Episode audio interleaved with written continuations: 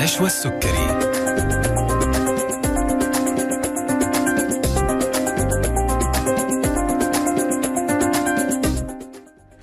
السلام عليكم ورحمة الله تعالى وبركاته. تحية طيبة لكم مستمعينا أينما كنتم وأهلا وسهلا فيكم في حلقة جديدة من طبابة عبر أثير إذاعتنا ألف ألف أف أم الموجة السعودية.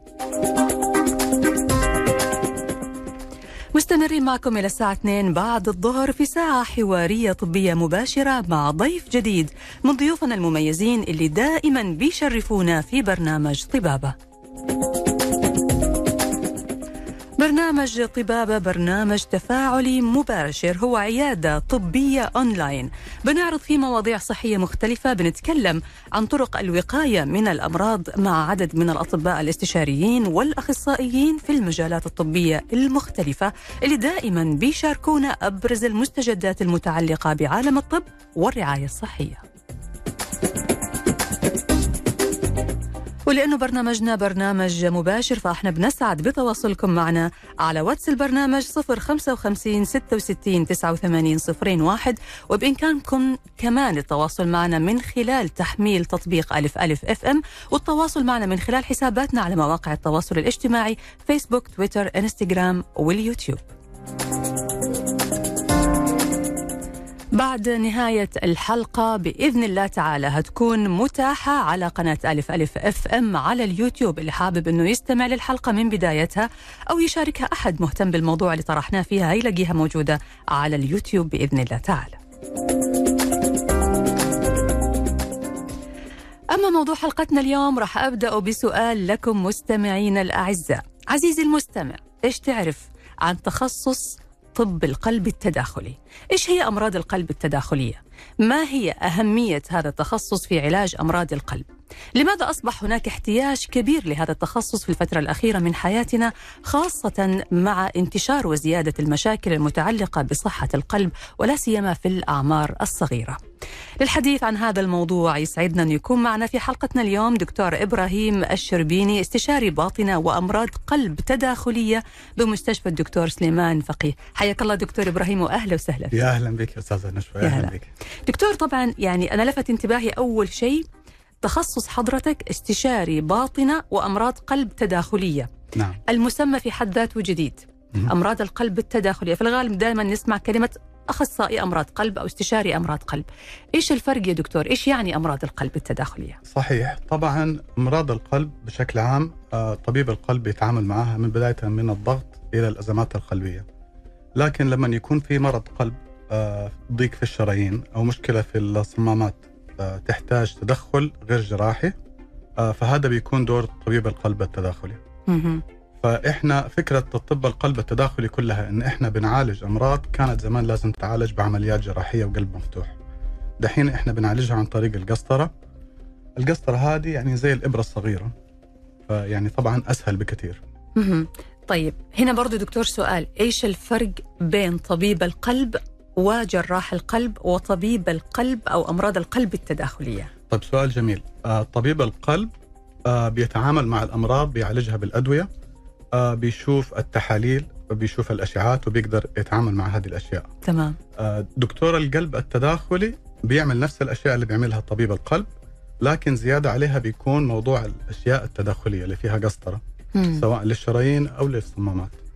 جراح القلب تقريبا بيعمل نفس الحاجات اللي بيعملها دكتور القلب التداخلي لكن عن طريق الجراحة. مم. طبعا في أشياء يعني تحتاج جراحة وما ينفع لها طب قلب تداخلي وفي أشياء كثيرة بتتعالج عن طريق آه، ال- الطب القلب التداخلي. مش الجراحة. تمام إذا أنا فهمت مت... آه، أخصائي أو استشاري أمراض القلب التداخلية هو يعتبر آه، يعني طبيب قلب لكنه يمكن بيأدي دوره بشكل أكبر شوية هو مو بس بيعطي أدوية أو بيوصف يعني وصفة علاجية لا هو كمان بيجري إجراء طبي معين لكن بدون ما يكون في تدخل جراحة بدون ما يدخل المريض غرفة مثلا ال- العمليات هذا المقصود بيعالج مشاكل القلب من خلال القسطرة من خلال الأشياء الثانية البالون وما إلى ذلك صحيح. هذا هو التخصص صحيح. ممتاز طيب إذا تكلمنا دكتور عن أمراض القلب.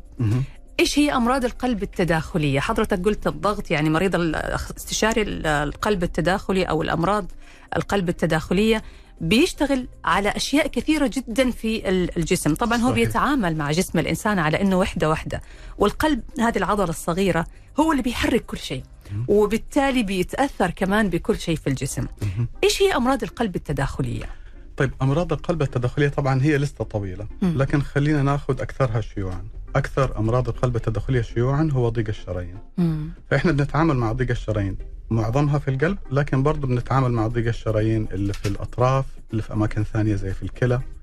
آه وغير ذلك ثاني شيء آه من الأمراض الشائعة هو مشاكل الصمامات مم. أي صمام في القلب ممكن تحصل له نوعين من المشاكل أيوة. يا يكون في ضيق زايد يكون الصمام ضيق يا يكون في ارتجاع زايد مم. فهذه الأشياء برضو إحنا بنقدر نتعامل معها مم. غير كده في آه أشياء ثانية لكنها أقل شيوعا كثيرا. مثلا زي مثلا آه تجمع آه سوائل حوالين القلب. مم. أشياء زي كده. تمام مم. تمام. طيب آه إذا تكلمنا دكتور عن أمراض القلب بشكل عام يمكن معروف إنه هي من أكثر أسباب الوفيات في العالم. صحيح. كلمنا عن هذه النقطة تحديدا و- وإحنا بالنسبة للمملكة العربية السعودية فين موقعنا على خريطة العالم بالنسبة لأمراض القلب؟ طيب سؤال ممتاز. أمراض القلب هي السبب الرئيسي للوفاة في العالم كله. في كل دول العالم رقم واحد هو أمراض القلب. مم. آه، في السعودية نسبتها حوالي 37% وهذا يخليها من حيث الانتشار في المجتمع إحنا الدولة رقم 29 على العالم. مم. آه يعني إحنا 37% آه من من- أمراض العالم من 37% من أسباب الوفيات في المملكة آه من أسباب ن- الوفيات نتيجة لقصور في شرايين القلب تمام. مش بس أمراض القلب لا بالذات قصور شرايين القلب مم. مم. آه اللي هي الأزمات القلبية مم. آه سواء حادة أو غير حادة تمام آه كمان عندنا حاجة في مجتمعنا إنه كل مجتمع فيه إحصائيات بتبين متوسط عمر الناس لما يبدأ يجيهم ضيق في شرايين القلب مم. فمثلا في أمريكا هذا الرقم 66 على سن 66 سنة ال average في أمريكا يبدأ يجيهم أمراض قلب مم. في أوروبا أط- أعلى شوية ال lifestyle حقهم أحسن ففي مم. سن 73 آه للأسف إحنا في مجتمعنا على سن 56 هو متوسط العمر اللي بيجي فيه أمراض القلب مم. يعني ممكن متوقع بما أنه هذا المتوسط من الأربعينات ممكن يبدأ الشخص يصاب بأمراض القلب ومن قبل كده كمان ومن أحيانا إيه. أيوه دكتور هو ملاحظ فعلا في الفترة الأخيرة إنه صار في شباب في الثلاثينات يصابوا بمشاكل في القلب. صحيح. إيش السبب يعني اللي خلى هذه النسبة موجودة؟ سؤال ممتاز. طبعا في أكثر من سبب. آه هي زي ما يقولوا المعطيات تؤدي لنتائج مم. صح؟ فإحنا عندنا مثلا آه إحصائيات واضحة في المجتمع. مثلا إنه 12% من المجتمع السعودي مدخن. مم. هذه برضه نسبة أكبر من برا. آه لما نيجي نتكلم على الحاجات الثانية المهمة في حياتنا مثلا زي الأكل. الأكل الغير صحي عندنا حوالي 34% نسبة م- مننا بناكل مم. أكل مو صحي مم. يعني نسبة كبيرة واحد مم. من كل ثلاثة بيأكل أكل غير صحي مم.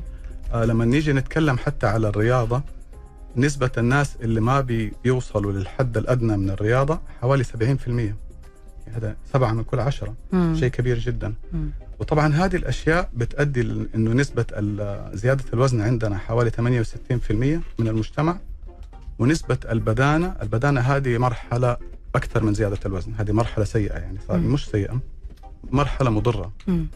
آه حوالي 33% برضو واحد من كل ثلاثة مم.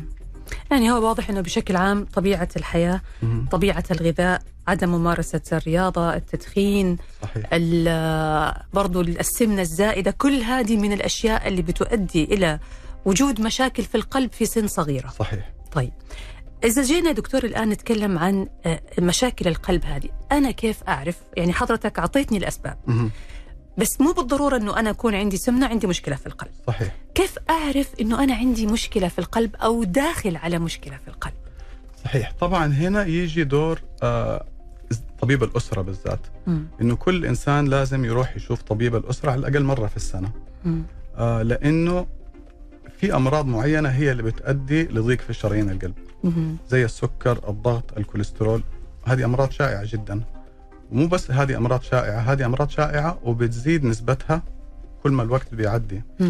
آه، مع أسلوب الحياة الجديد مع الأكل ال fast food اللي كلنا بناكله حاجات زي كده. يعني مثلا السكر كان زمان حوالي 10% آه، دحين صار تقريبا 25% في بعض ال- القراءات. يعني واحد من كل أربعة ممكن يكون عنده سكر. مم. وزيه زي الضغط. الضغط برضه 30% عند الرجال آه، يعني كثير 24% عند السيدات. الضغط عند الرجال أكثر. أيوه يعني هذه ممكن يتقال عليها نكتة بس ما هنقولها لا هنعرف بعدين يا دكتور الفرق بين النساء والرجال في موضوع أيوة. أمراض القلب. والضغط فعلا الضغط أصلا حاجة آه، مثيرة للاهتمام لأنه زمان كانوا الدكاترة يحسبوا إنه كل ما كان الضغط أعلى كل ما كان صحة الإنسان أحسن يعني قلبه قوي. لين في الحرب العالمية الثانية آه، رئيس أمريكا وقتها كان روزفلت طلع ضغط وصل 300 على 190 أوه. وهذا رقم تقريبا ما ينشاف في الدنيا يعني اي هذا معناه بتنفجر الشرايين وهو يعني. مات بعدها فعلا مات فعلا. مات في. الستينات مم. فمن بعدها عملوا أكبر دراسة عن أمراض القلب في الدنيا لأنه ده رئيس يعني دولة كبيرة اللي مات واكتشفنا إنه زيادة الضغط حاجة وحشة مش حاجة مم. كويسة مم. مم. حلقتنا مستمرة معك دكتور إبراهيم هنعرف بعد الفاصل أيهما أكثر عرضة لجلطات القلب وأمراض القلب النساء ولا الرجال؟ ونبغى نعرف مين اللي بيسبب للنساء الجلطات؟ وبيوجع قلوبهم يا دكتور بس الإجابة بعد الفاصل. طبعا مستمعينا الأعزاء لازلنا نستقبل أسئلتكم على واتس البرنامج 055 66 89 01 والدكتور إبراهيم الشربيني استشاري الباطنة وأمراض القلب التداخلية بمستشفى الدكتور سليمان فقيه بيقدم لمستمعي ألف ألف. وتحديدا مستمعي برنامج طبابة راح يختار آه، أحد اثنين من المستمعين ويقدم لهم استشارة مجانية للإطمئنان على صحة القلب وإنه بيشتغل بشكل سليم. فاصل ونواصل.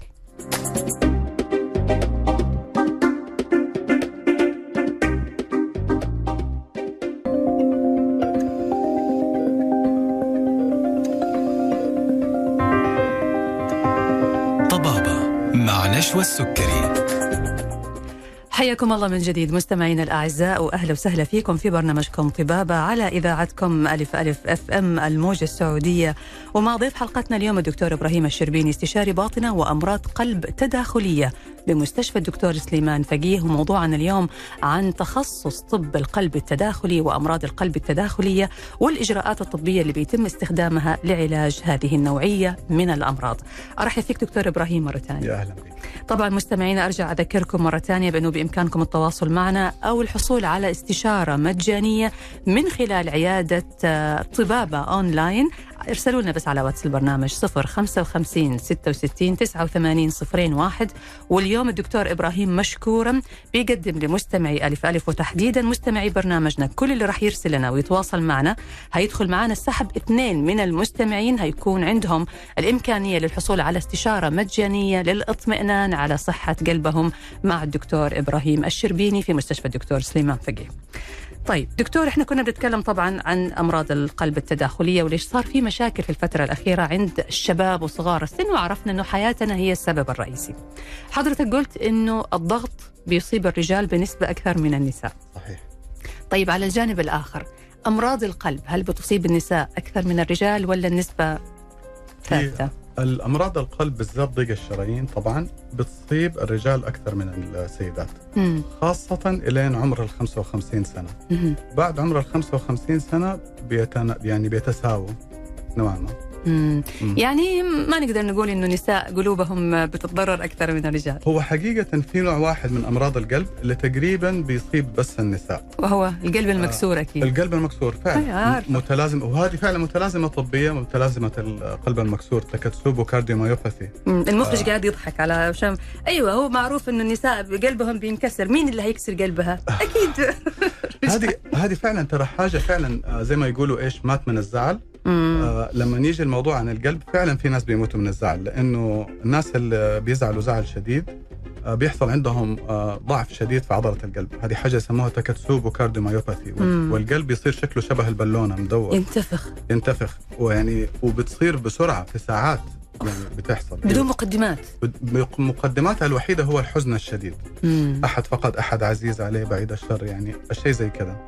وهذا برضو أنا أحب الإحصائيات شوية أحب الأرقام تفضل أعطينا ال- عملوا احصائيه في السعودية عن عدد الناس اللي عندهم آه، حزن آه، أخذوا شريحة من المجتمع مم. وشافوا كم من الناس يشعروا بحزن تقريبا نسبة 12% وأكثر في السيدات من الرجال مم. مم. يعني سبب الحزن الحزن هو سبب رئيسي لأمراض القلب عند النساء الحزن الشديد نعم. الحزن الشديد طبعا يعني لكن مو الحزن العادي أيوة. بس أهم شيء يكون فعلا السبب يعني يستدعي و- ويكون فعلا شيء يستاهل إنه الواحد يحزن علشانه أكيد طيب إحنا تكلمنا كده يا دكتور عن الضغط وقلنا إنه النساء والرجال يعني بيتساووا تقريبا في أمراض القلب مم. إلا في أعمار معينة يمكن بحكم طبيعة الجسم عند النساء بحكم إنه إحنا نساء في الغالب يكون سنتهم أكثر من الرجال وقد تكون ممكن هذه أحد الأسباب اللي بتؤدي عندهم لمشاكل في الشرايين وكذا. طيب الجلطات يا دكتور الجلطات برضو في الفترة الأخيرة صارت تظهر بشكل كبير عند شباب صغار. الجلطة بشكل عام يمكن هي أخطر حاجة ممكن تصيب الإنسان لأنه هي بتصير فجأة بي- بينسد الصمام بينسد, بينسد الشريان يعني ممكن يكون بيترتب عليها أشياء خطيرة جدا. فإيش هي أسباب حدوث الجلطات؟ طيب هذا كلام جميل دحين ضيق الشرايين اللي بيؤدي في النهاية إنه يصير في ضيق شديد ونحتاج قسطرة عشان نفتح الشريان مم. ليه سببين السبب الأول هو ضيق الشرايين اللي بيصير ببطء.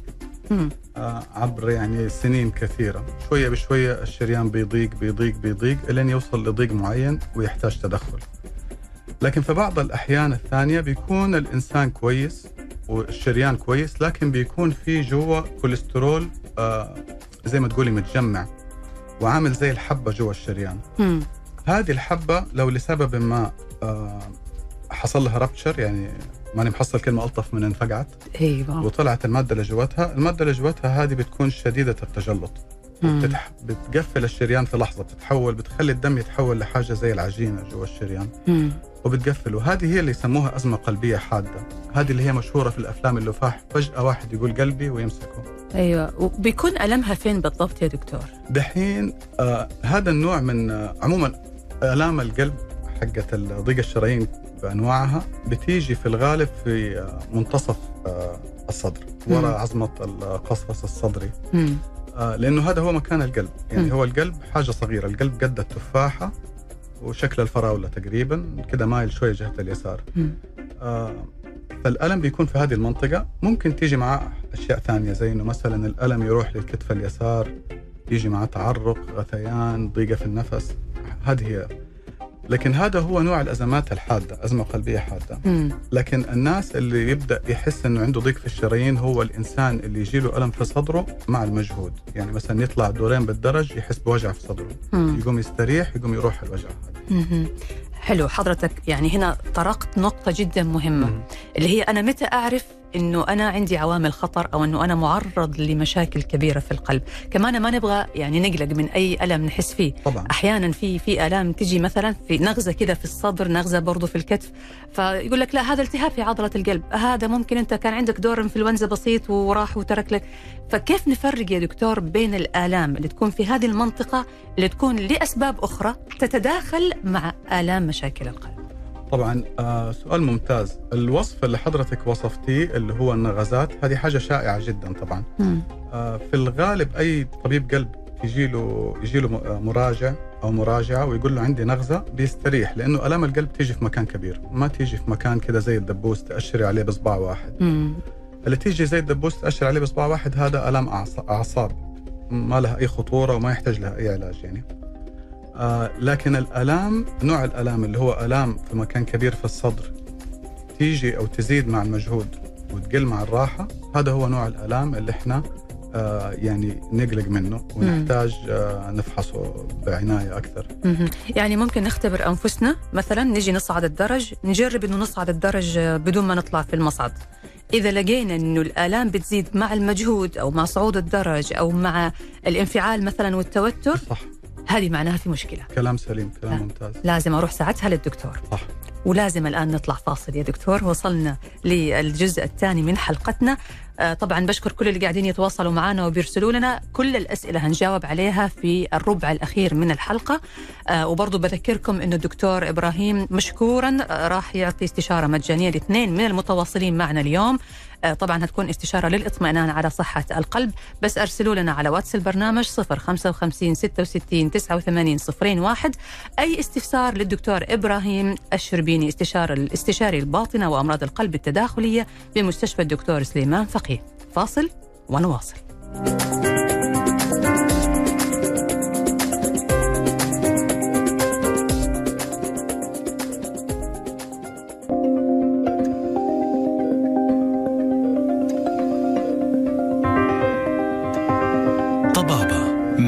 السكري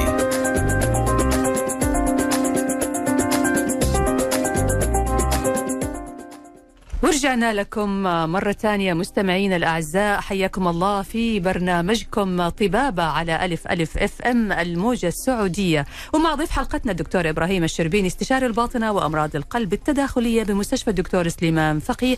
موضوعنا اليوم عن طب القلب التداخلي والأمراض اللي ممكن يعاني منها الإنسان في هذا المجال تحديدا وإيش هي أبرز الإجراءات الطبية اللي بيتم تطبيقها لعلاج أمراض القلب التداخلية.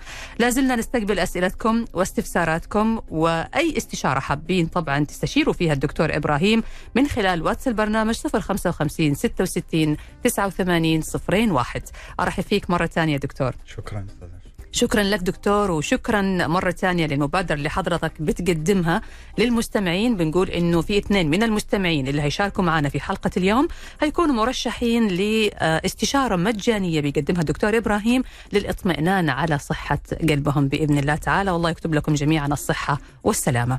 طيب إحنا دكتور كنا بنتكلم عن موضوع الجلطات وأسبابها وآلام القلب. وكمان دكتور في حاجة كده دائما يقول لك عملية القلب المفتوح. آه في بعض الإجراءات الطبية إحنا نسمعها ممكن تشعرنا بالخوف أو بالقلق لكنها ممكن تكون إجراء طبي بسيط. زي مثلا موضوع القسطرة الطبية زي موضوع البالون زي موضوع عملية القلب المفتوح. إيش هذه المسميات دكتور وبتستخدم لإيش؟ آه صحيح. طبعا سواء القسطرة آه أو القلب المفتوح الاثنين بيستخدموا في علاج آه ضيق شرايين القلب. آه بالنسبة للقسطرة آه ونسبة مخاطرها فالقسطرة في حالة ضيق الشرايين اللي هي ضيق الشرايين العادي اللي جاء على مدى سنين. والمريض جاء العيادة بي ورحنا أخذنا القسطرة فهي نسبة مخاطرها قليلة جدا يعني أقل من 1% نعم آه وأصلا القسطرة حاجة ما هي مؤلمة يعني تقريبا الألم اللي فيها زيه زي سحب الدم حاجة بس. بسيطة جدا لأنه هي القسطرة اللي إحنا بندخلها في الشريان أصلا حجمها مم. 6 فرنش 6 فرنش هذه يعني 3 ملي مم. آه فشيء صغير جدا يعني قطر 3 ملي داخل في الشريان وإحنا مخدرين المنطقة ما يشعر بشيء يعني إيوه من رحمة ربنا كمان إنه جوا الشرايين أصلا ما في أعصاب مم. فهو إحنا بندف الش- القسطرة هذه جوا الشريان ونمشي مع مجرى الشريان الين القلب مم. وما دام جوا الشريان ما في شرايين ما في أعصاب فما هي يحس بحاجه يعني مم. فهي بسيطة جدا طبعا نسبة المخاطر هذه بترتفع آه، إذا كانت آه، الحالة أزمة قلبية حادة أحد مهم. جاء على الطوارئ بسبب ألم يعني آه، شديد في الصدر والشريان مقفول هذه بالنسبة للقسطرة تمام طبعا إحنا لما نقول للناس نسبة المخاطر قليلة آه، فهذا شيء طبعا حقيقي وشيء مطمئن لكن في النهاية هي زيها زي عبور الشارع كل الناس بيقطعوا الشارع ونسبة مخاطر قطع الشارع قليلة لكن. في النهاية في أحد لا قدر الله بتصدمه. آه، ففي أشياء الواحد ما يقدر يتجنبها فعشان كذا ما بتنعمل القسطرة إلا للناس اللي فعلا يحتاجوها. آه، بالنسبة للقلب المفتوح على الجهة الثانية هو دائما خطوة بتتبع القسطرة. لأنه إحنا لو عملنا قسطرة لأي إنسان قدامنا ثلاثة سيناريوهات. السيناريو الأول اللي إحنا نحصل إنه الشرايين كويسة. آه، السيناريو الثاني ان إحنا نحصل إنه في ضيق في الشرايين ونقدر نعالجه عن طريق الدعامات إحنا وبنعالجها في وقتها. الدعامة هذه برضو بتكون شيء بينحط يوسع الشريان؟ صحيح. مم. إيوه. يعني شيء كذا زي الخيط بنحطه في الشريان. آه نعدي بمنطقة الضيق. ننفخ منطقة الضيق ببالونة علشان نوسعها. بعدين نحط الدعامة اللي هي زي آه زي كويل كذا عشان يخلي الشريان مفتوح. تمام. السيناريو الثالث هو الناس اللي عندهم ضيق في شرايين القلب آه في أماكن ما ينفع فيها آه أو مو من مصلحتهم إنه نحط فيها دعامات. هذول اللي بيروحوا للقلب المفتوح. مم. وهذا دكاترة جراحين القلب. مم. عملية القلب المفتوح يمكن اسمها كده يخض لكن هي نتائجها ممتازة جدا آه ونسبة مخاطرها قليلة. والتعافي منها سريع. يعني في خلال أسبوع بيخرج المريض من المستشفى وفي خلال شهر يعني بيمارس حياته طبيعية تماما. جميل. طيب هو كذا أنا فهمت برضو دكتور من حضرتك أنه الإجراءات الطبية اللي بتستخدم في عمليات آه، أو في علاج آه، أمراض القلب التداخلية هي إجراء بديل للجراحة ربما كمان يصلح للأشخاص اللي عندهم مشاكل مع الجراحة. صحيح. يعني مثلا هل بيتم ما بيتم في استخدام تخدير كلي؟ بيتم في استخدام حاجة اسمها conscious sedation conscious مهدئ. sedation مهدئات بالضبط مم. أيوه مهدئ مع تخدير موضعي مثلا بس ساعة الدخول صحيح كلام مهم. صحيح جميل طيب دكتور بالنسبة لالتهاب عضلة القلب مهم. برضو هذه من الحاجة أو دائما نسمع عنها التهاب يقول لك هذا لا ما لا تقلق المو- الموضوع اللي عندك إن شاء الله إنه بسيط بس هذا مجرد التهاب في عضلة القلب هو صحيح. في ال- في الجزء الخارجي من القلب هل هذا الموضوع خطير يا دكتور؟ طبعا هذا مايوكاردايتس التهاب عضلة القلب آه في درجات. آه في التهاب حاد آه يكون خطير وفي التهاب بسيط آه علاج التهاب عضلة القلب 90 أو أكثر من 90% من الحالات هو مجرد أدوية بتتاخذ عن طريق الفم مم. ومراجعة مستمرة مع الطبيب تمام آه، لكن في حالات ال 5% اللي فاضلين هدول اللي بيحتاج لهم فعلا أشياء تداخلية قد مثلا نضع جهاز يساعد القلب في الضخ. أو حاجات زي كذا. ففي النهاية ما نقدر يعني نستهون بموضوع التهاب عضلة القلب لا. لازم برضو يعني نهتم فيه ونعالجه بالشكل الصحيح صحيح طيب عدم انتظام ضربات القلب يا دكتور طيب هذا شيء شائع جدا مم. آم، اللي هو الناس يجي يقول لك عندي خفقان مم. أيوه الخفقان إيه، الخفقان طبعا فالخفقان هذا ليه أسباب كثيرة مم. بنحتاج طبعا نعمل تخطيط قلب وبنحتاج في بعض الأحيان نعمل حاجة اسمها هولتر مونيتور. هذا يعني؟ مراقب نبضات. مراقب. آه، إيه. جهاز كده قد الجوال المريض مع المريض. أيوه. وبيتركب مع المريض بيراقب نبضات القلب على مدى 24 ساعة. مم. وفي كمان الأحسن مع تطور الدنيا دحين الساعات الجديدة ال smart watches آه اللي فيها آه خاصية إن إحنا نقدر نعمل تخطيط قلب. دقيقة يا دكتور. هذه دقيقة في تشخيص اضطرابات النبض. مم. ما هي دقيقة في تشخيص آه الأزمات القلبية؟ okay. لكن بتعطي مؤشر. بتعطي مؤشر ممتاز لأنه الواحد يقدر يعمل تخطيط قلب لنفسه ويجيبه للدكتور في وقتها ممتاز. ولأنه الخفقان 90% منه أسبابه سهلة وبسيطة وعلاجها أسهل ما يكون لكن في نسبة ال 10% اللي بيحتاج لها فعلا أشياء سواء أدوية أو أشياء تداخلية. طيب دكتور بما إنه حضرتك استشاري أمراض القلب التداخلية نبغى وصفة مو علاجية مم. وصفة وقائية. كيف نحمي قلوبنا خاصة إنه يعني حضرتك بتحب دائما لغة الأرقام والإحصاءات اللي دائما تذكرها إنه عندنا نسبة السكر كذا نسبة التدخين. فقل لنا إحنا بالنسبة كمان للمجتمع عندنا في السعودية آه، إيش نحتاج علشان نقلل من هذه الأعداد ومن هذه الأرقام في المصابين بمشاكل القلب؟ سؤال جميل جدا. آه أنا أتوقع ان هم أربع نقاط. آه النقطة الأولى هي الأكل الصحي. ولازم الناس يعرفوا إيش هو الأكل الصحي. يعني أنت لو عندك قدامك صحن المفروض الصحن ده يكون ثلثينه بروتين والثلث اللي فاضل ثلثينه اللي هي يسموها fibrous carbs اللي هي الخضروات ألياف. ألياف خضروية والثلث الأخير من الثلث هذا هو اللي نحط فيه أشياء زي الرز وال-. والعيش النشويات. فهذا الأكل الصحي. آه نبعد عن الأكلات اللي مليانة دهون طبعا الجبنة آه لحم الغنم للأسف يعني آه الاكل المقلي. مم. ناكل الأكلات المفيدة اللي فيها دهون كويسة زي زيت الزيتون المكسرات الأكلات البحرية. آه فهذا شيء اللي هو. الدايت عموما. نظبط أكلنا. والشيء الثاني اللي هو نتريض كفاية نلعب رياضة كافية. مم. الرياضة الحلوة للقلب هي المشي السريع. آه مو هرولة مشي سريع يعني. لمدة 30 دقيقة خمسة مرات في الأسبوع يعني 150 دقيقة نص الأسبوع. ساعة ممتازة نص سهلة. جدا أيوه وطريقة المشي اللي هي تنفع حتى في مول عارفة انزل جيب حاجة من البقالة وارجع البيت بالضبط أخلص. روحي المول اللي جنب البيت أمشي كذا في مكان مكيف تمام. حلو اتفرجي على ناس مم. آه فهذا شيء جدا مهم اللي بعد كذا إنه لازم نروح لدكتور آه. على الأقل مرة للس... مرة في السنة نشيك لأنه الضغط والسكر والكوليسترول هذه أشياء أمراض صامتة مم. يعني ممكن تكون عند ناس وما هم حاسين بأي حاجة. يقول لك أنا ما حسيت إنه ضغطي عالي مم. مو شرط الإنسان يحس مم. فمهم جدا الشيء الرابع ان الواحد يبعد عن الحزن الحزن من جد شيء وحش. مم.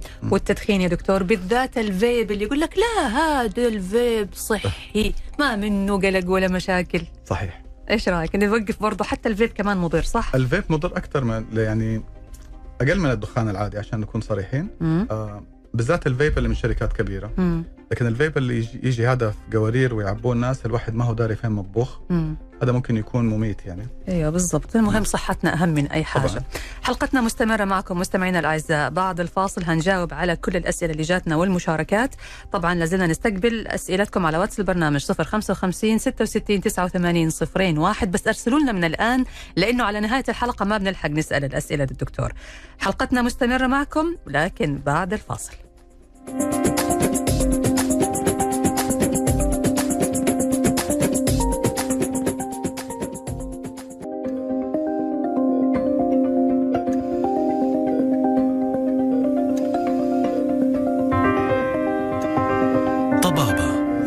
نشوى السكري ورجعنا لكم مرة ثانية مستمعينا الأعزاء في برنامجكم طبابة على ألف ألف أف إم. مع ضيف حلقتنا الدكتور إبراهيم الشربيني استشاري الباطنة وأمراض القلب التداخلية بمستشفى الدكتور سليمان فقيه. في الجزء الأخير من حلقتنا اليوم هنجاوب على الأسئلة إنه الوقت صار مرة ضيق. طبعا بحييك مرة ثانية دكتور. شكرا لك. يا هلا وسهلا. طيب دكتور ناخذ هذه ناخذ الأسئلة اللي جاتنا. عندنا الأخ عبد الولي صياد من الرياض آه يقول السلام عليكم دكتور عمري 48 سنة. أشعر بألم في صدري من الجهة اليسار ويوصل الألم إلى الظهر ويوصل ليدي اليسرى. ما عندي سكر ما عندي ضغط والله أعلم هو ما هو متأكد يعني. بس يقول إيش المشكلة؟ هل عندي مشكلة خطيرة ولا إيش؟ وكم عمرك؟ 48 48 آه طبعا الموضوع يستاهل إنه تشوف دكتور. هذه صحتك. مم. آه الألم إذا ما كان بيزيد مع المجهود زي ما قلنا جرب أمشي أطلع درج. أبذل مجهود يسرع نبضات قلبك. مم. إذا الألم ما بيزيد فهذا شيء مطمئن. آه لكن برضه روح لدكتور. تمام. آه لكن إذا الألم بيزيد مع المجهود وقتها لازم لازم تروح لدكتور. آه أوكي. أخي أخوي عبد الإله انتبه. جرب كذا نفسك واختبر نفسك. إذا الألم بيزيد زي ما قال الدكتور مع الجهد لازم فورا تتوجه للدكتور وإن شاء الله يعني ما فيك إلا العافية. طيب هذا الأخ علاء نصر يقول آه السلام عليكم دكتور. أنا مريض ضغط وسكر. الدكتور قال لي إنه لو رجعت للجيم ممكن يختفي المرض بس هذا الكلام من عشر سنين. فهل ممكن الآن لو رجعت للجيم أتعافى؟ هو أكثر منه جيم هو ال lifestyle زي ما قلنا الأكل آه والرياضة والوزن. تمام. الناس اللي عندهم مثلا آه سمنة شديدة آه بدانة مم. وبيعملوا مثلا عمليات تكميم لما بتروح البدانة اللي عندهم معظمهم بيختفي من عندهم السكر والضغط. مم. فإذا وزنك زايد وقدرنا ننزل الوزن لأنه يصير طبيعي فاحتمال كبير جدا تتحسن. تختفي. إيه. تمام. طيب سؤال من الأخ مرتضى يقول السلام عليكم. سؤالي للدكتور في البرنامج. هل ارتخاء الشريان التاجي له علاج ولا لازم عملية؟ وهل بيؤثر على الصحة الجنسية للرجل؟ العمر 43 سنة. طيب شباب ما شاء الله. آه ارتخاء الشريان التاجي. مم. آه إذا أنا فاهمه صح فهو قصده إنه كوروناري انيوريزم إنه مكان في الشريان صار واسع زيادة عن اللزوم. عكس المشكلة الشائعة اللي هو ضيق الشرايين في مشكلة ثانية هي انه يكون واسع زيادة عن اللزوم. هذه لها قياسات معينة إذا أقل من هذه القياسات ما يحتاج لها شيء بس ناخذ أدوية للضغط والسكر والحاجات هذه لكن إذا أكثر من القياسات هذه آه، فوقتها بيحتاج لها تدخل. ممكن نحط دعامة نوع معين من الدعامات المقفله يسموها كفرد ستنت تمام. طيب عندنا سؤال من الأخ إبراهيم يقول أنا عمري 24 سنة. شباب يعني ما شاء الله. يقول اكتشفت أنه عندي ضغط الدم مرتفع. بديت أمشي ومع الرياضة نزل الضغط وصار طبيعي. هل أحتاج العلاج ولا أكمل بس على رياضة المشي؟ لا ما دام الضغط صار طبيعي أقل من 130 على 80 مم. آه خلاص ما نحتاج دواء تمام. طيب سؤال يقول مديري الطبي جاته جلطة مفاجئة بدون مقدمات. آه مديرك الطبي يبدو لي أنه أنت رافع ضغط مديرك أو مسبب له مشكلة. المهم يقول كان في ضغوط من المدير العام وضغط العمل وأنا زعلته شوية. فهل هذه السبب ولا عشان عنده سكر؟ آه والله يعني هو, هو ضميره واجعه يبدو أنا عارف خلينا نريح ضميرك ونقول إنه السكر. طيب لا ارتاح. مو أنت السبب. السبب بسبب ضغوط العمل والسكر مو أنت. طيب ناخذ هذا السؤال كمان يا دكتور يقول السلام عليكم. أنا من كم يوم حصلت لي لخبطة بدقات القلب تنخفض وترتفع تنخفض ل 57 وترتفع مرات 99 ومرات 110 ومرات طبيعي من دون ما أبذل جهد وأحس بضيقة بالصدر وتعب مفاجئ. فما السبب وما العلاج؟ وهل هذا طبيعي أو لا؟ عمري 43 سنة. آه طيب هذا برضه سؤال جميل وشائع وهذا من آه خفقان هذا هو الخفقان مم. وعشان نشخصه بدقة يا تخطيط قلب وقت حدوث الخفقان يا الهولتر اللي كلمت آه كلمتكم عليه مم. يا إنه يكون عندك ساعة من الساعات اللي تعمل تخطيط قلب وتعمل تخطيط قلب لنفسك في هذا الوقت وتوريه للدكتور تمام ممكن تكون نبضات شاردة نبضات الشاردة هذه شيء بسيط جدا وعلاجها بسيط آه وممكن تكون حاجة تانية تحتاج علاج أكبر مهم. تمام طيب ناخذ كمان هذا السؤال دكتور يقول عندي 44 سنة آه عندي ضغط الدم مرتفع من رمضان الماضي وبعدها صار معي خفقان مستمر وقبضة بالقلب. سويت إيكو سليم لكن ما ارتحت. آه لحد الآن وموجودة الأعراض والتعب بيزيد فأرجو أنه ألقى الاستشارة والتوجيه من الدكتور. طيب الإيكو بيطل لنا على عضلة القلب والصمامات مم. غشاء القلب ضغط الشريان الرئوي هذه الحاجات اللي الإيكو بيطل عليها. الإيكو ما بيطل على الشرايين وما بيطل على كهرباء القلب فإذا إحنا لسه عندنا أعراض في الصدر يصير إحنا نحتاج نشوف الشرايين عن طريق مثلا تخطيط مجهود وكهرباء القلب عن طريق حاجة زي الهولتر برضه مرة ثانية الجهاز هذا اللي بيقيس ال- اللي بي أيوه مراقب نبضات مراقب لمدة النبضات. 24 ساعة. إيه. تمام طيب سؤال دكتور يقول هل يمكن تقوية عضلة القلب بعد ضعفها؟ آه سؤال جميل جدا وطبعا إيوه ممكن آه طبعا العلم اتطور وفي عندنا أدوية مم. أربع أنواع من الأدوية بنحاول نوصل بيها للجرعات القصوى وان شاء الله نسبة الاستجابة كويسة جدا مهم. مو في كل الأحيان آه بعض الناس بترجع عضلة القلب طبيعية بعض الناس بترجع لجزء كبير من الطبيعي وفي جزء بسيط يعني ما بتتحسن مم. هل المشي يقوي عضلة القلب؟ المشي عموما كويس لعضلة القلب مو من الحاجات اللي هتزود قوتها لكن من الأشياء اللي هتحافظ عليها إنها ما تسوء أكثر إذا كانت سيئة. لكن هل يا دكتور بذل المجهود لما يكون في تعب أو ضعف في عضلة القلب ما يكون جهد زائد يعني دائما أشوف الأطباء ينصحوا مريض القلب يقول لا تبذل جهد حاول دائما يعني تكون حياتك بسيطة فهل هل بذل الجهد ممكن يتعارض مع هذا الشيء؟ لا طبعا. آه، بذل المجهود عموما والرياضة والمشي آه، إحنا نشجع عليها دائما. إحنا بس اللي بنقوله للناس اللي عندهم مثلا ضيق في الشرايين أو حاجة أي حاجة زي كده إنه لا توصل إنك تجهد نفسك. مم. يعني لو تعبت أستريح بعدين كمل مشي. مم. تمام. طيب سؤال يقول آه عمري آه 74 سنة. ما شاء الله الله يعطيك الصحة والعافية يا رب. آه يقول أشعر أحيانا بقبضة ليست مؤلمة بمنطقة القلب. كأن هناك يد تقبض على جزء من جسمي مما يصيبني بتوتر شديد. الله يعطيك الصحة والعافية يا عمي إن شاء الله أنه أنت بصحة وعافية لا تقلق ولا تتوتر. ألف سلامة يا عم. آه، برضو في أكثر من سبب لحاجة زي كده آه، أكثرها شيوعا هي النبضات الشاردة مرة ثانية. مم. وهي حاجة ما هي خطيرة ابدا. و... وعلاجها اشياء بسيطة يعني. حتى بعض الأحيان كل اللي نحتاجه إن إحنا نشرب سوائل كويس ونكثر المغنيسيوم في الأكل. آه، لكن برضو قد يكون هناك سبب آخر. فيعني هذه الحاجات لازم لها تخطيط قلب ولازم لها مراجعة. مم. صعب إنه أحل حاجة زي كده في التليفون. مم، صحيح. في سؤال يا دكتور هو غريب بس هطرحه على حضرتك وناخذ بس كذا كم ثانية يا أستاذ رائد المخرج. السؤال يقول عمري أكبر من شكلي فهل آه. هذا طبيعي؟ فيعني السؤال هذا يا دكتور خلينا نطرح سؤال ثاني. مم. هل أحيانا ممكن أكون عمري شباب بس عمر قلبي أكبر من شكلي؟ أو عمر قلبي مثلا في الأربعين وأنا في العشرين؟ آه، أظن يعتمد على التجارب اللي الواحد خاضها.